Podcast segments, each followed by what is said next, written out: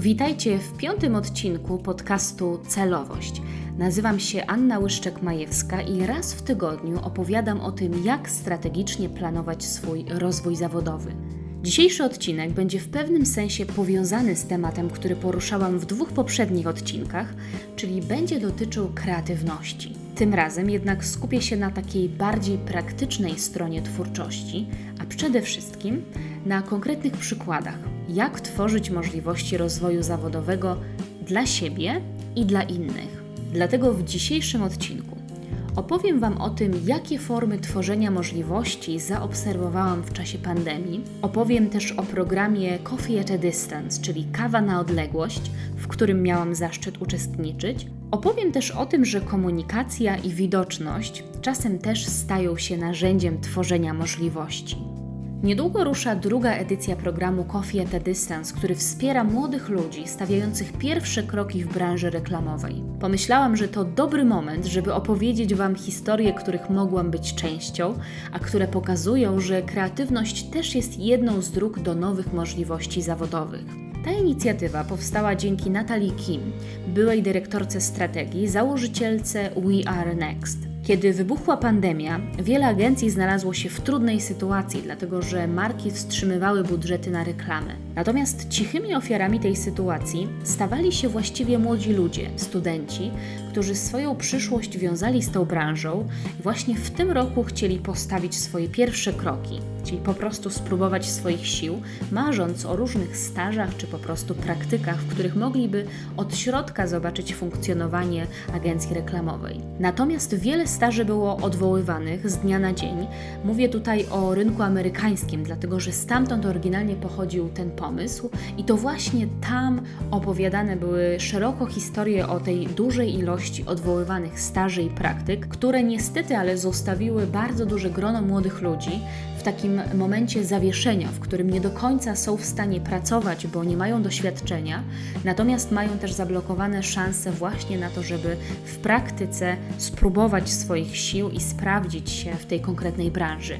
I żeby pomóc takim młodym ludziom dotknąć tego obszaru, powstało Coffee at a Distance, czyli taka możliwość umówienia się na wirtualną kawę z praktykami reklamowymi. Projekcie wzięło udział około 300 mentorów i wyglądało to mniej więcej w ten sposób, że była dedykowana strona, na którą można było wejść, zapoznać się ze szczegółowymi opisami każdej z osób, która zdecydowała się być mentorem i przeczytać w jakich tematach można się z daną osobą kontaktować, w jakich obszarach ta osoba najlepiej się czuje i jak może też doradzić czy pomóc właśnie tym młodym ludziom, którzy szukają takiego wsparcia. Do mnie odezwało się pięć osób. Ku mojemu zaskoczeniu byli to głównie studenci ze Stanów, więc y, wideokonferencję musieliśmy umawiać na weekend, bo jak się okazywało w tygodniu po pracy koło 18, kiedy ja byłam wolna, to właśnie w Stanach jeszcze absolutnie to nie był czas na wolność, więc y, musieliśmy przełożyć te rozmowy na weekend po to, żeby mieć swobodę chociaż godzinę czy dwie na to, żeby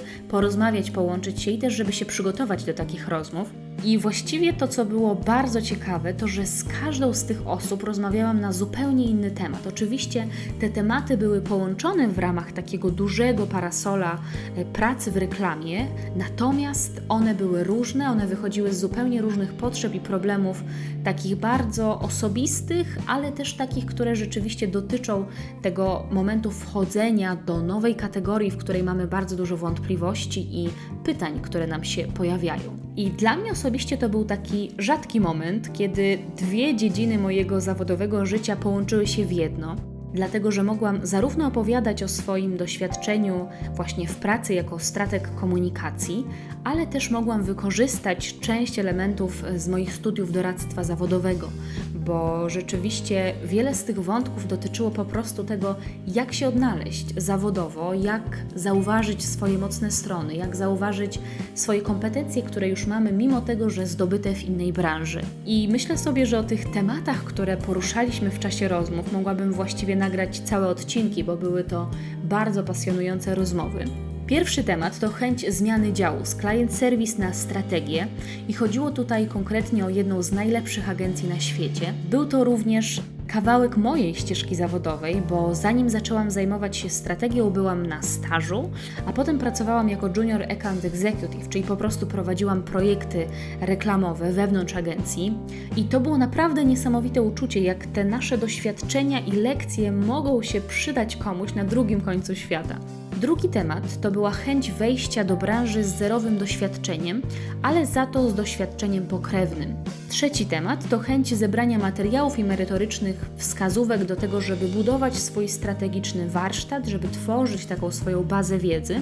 I było to też bardzo inspirujące, bo jak się okazało, dziewczyna, z którą rozmawiałam, miała właściwie już olbrzymią wiedzę i olbrzymią świadomość też różnych zasobów, które są dostępne dla strategów, mimo tego, że nie przepracowała ani dnia w agencji reklamowej, więc to też jest dla mnie dowód na to, jak bardzo Łatwo można zdobyć wiedzę w konkretnej dziedzinie, ale rzeczywiście bez tego doświadczenia, bez tej praktyki, to niestety nie wystarczy. Taka refleksja, która towarzyszyła mi w czasie tych rozmów, to właściwie był duży podziw według otwartości i przygotowania tych studentów, którzy zdecydowali się na kontakt ze mną. Widziałam bardzo dużą świadomość problemów, pytań, z którymi się zmagają. Było widać, że jest to przemyślane, że nie jest to po prostu wymyślane z minuty na minutę, tylko że to są rzeczywiście tematy, z którymi oni się zmagają, nad którymi pracują, ale też widziałam duże przygotowanie do rozmowy, dlatego że każdy z nich sprawdził, gdzie pracuje, jakie mam doświadczenie, po to, żeby też nie tracić czasu na opowiadanie tego, co można po prostu przeczytać na profilu na LinkedInie, ale żeby właśnie przejść od razu do sedna, do tego konkretu i też, żeby wiedzieć, jak właśnie z mojego doświadczenia skorzystać. Każdy z nich stworzył dla siebie możliwość, żeby sięgnąć po nową wiedzę, inspirację, a czasem nawet utwierdzić się w przekonaniu, które już do tej pory miał. To dla mnie taki pierwszy przykład tego, jak tworzyć dla siebie możliwości. Zauważyć je, zaangażować się, przygotować, no i odważyć. Sama formuła Coffee at a Distance nie była niczym specjalnym, no bo każdy może znaleźć doświadczoną osobę na LinkedInie i do niej napisać. To, co jeszcze trzeba zrobić, to na pewno zastanowić się, jakiej dokładnie pomocy potrzebujemy, jakie pytania chcemy tej osobie zadać, a później odważyć się i wysłać tą wiadomość albo poprosić o chwilę uwagi. Drugim bardzo ciekawym przykładem tworzenia możliwości rozwoju była inicjatywa Indoor Recess. Był to pomysł młodych ludzi, którzy zamiast siedzieć na kanapie i oglądać kolejny sezon serialu na Netflixie, wybrali taki bardzo konkretny sposób na praktyczny wpis do CV, no i też zdobycie doświadczenia. Zasady programu były bardzo proste. Został on zbudowany w taki sposób, że przez dwa tygodnie 10 zespołów rywalizowały. Wsparcie mentorskie było również uwzględnione w tym programie, ale też taki element rywalizacji, konkurowania ze swoimi rówieśnikami. Zespoły w tym e, pomyśle zostały stworzone na wzór działów agencyjnych, tak żeby lepiej odtworzyć specyfikę pracy nad briefem komunikacyjnym.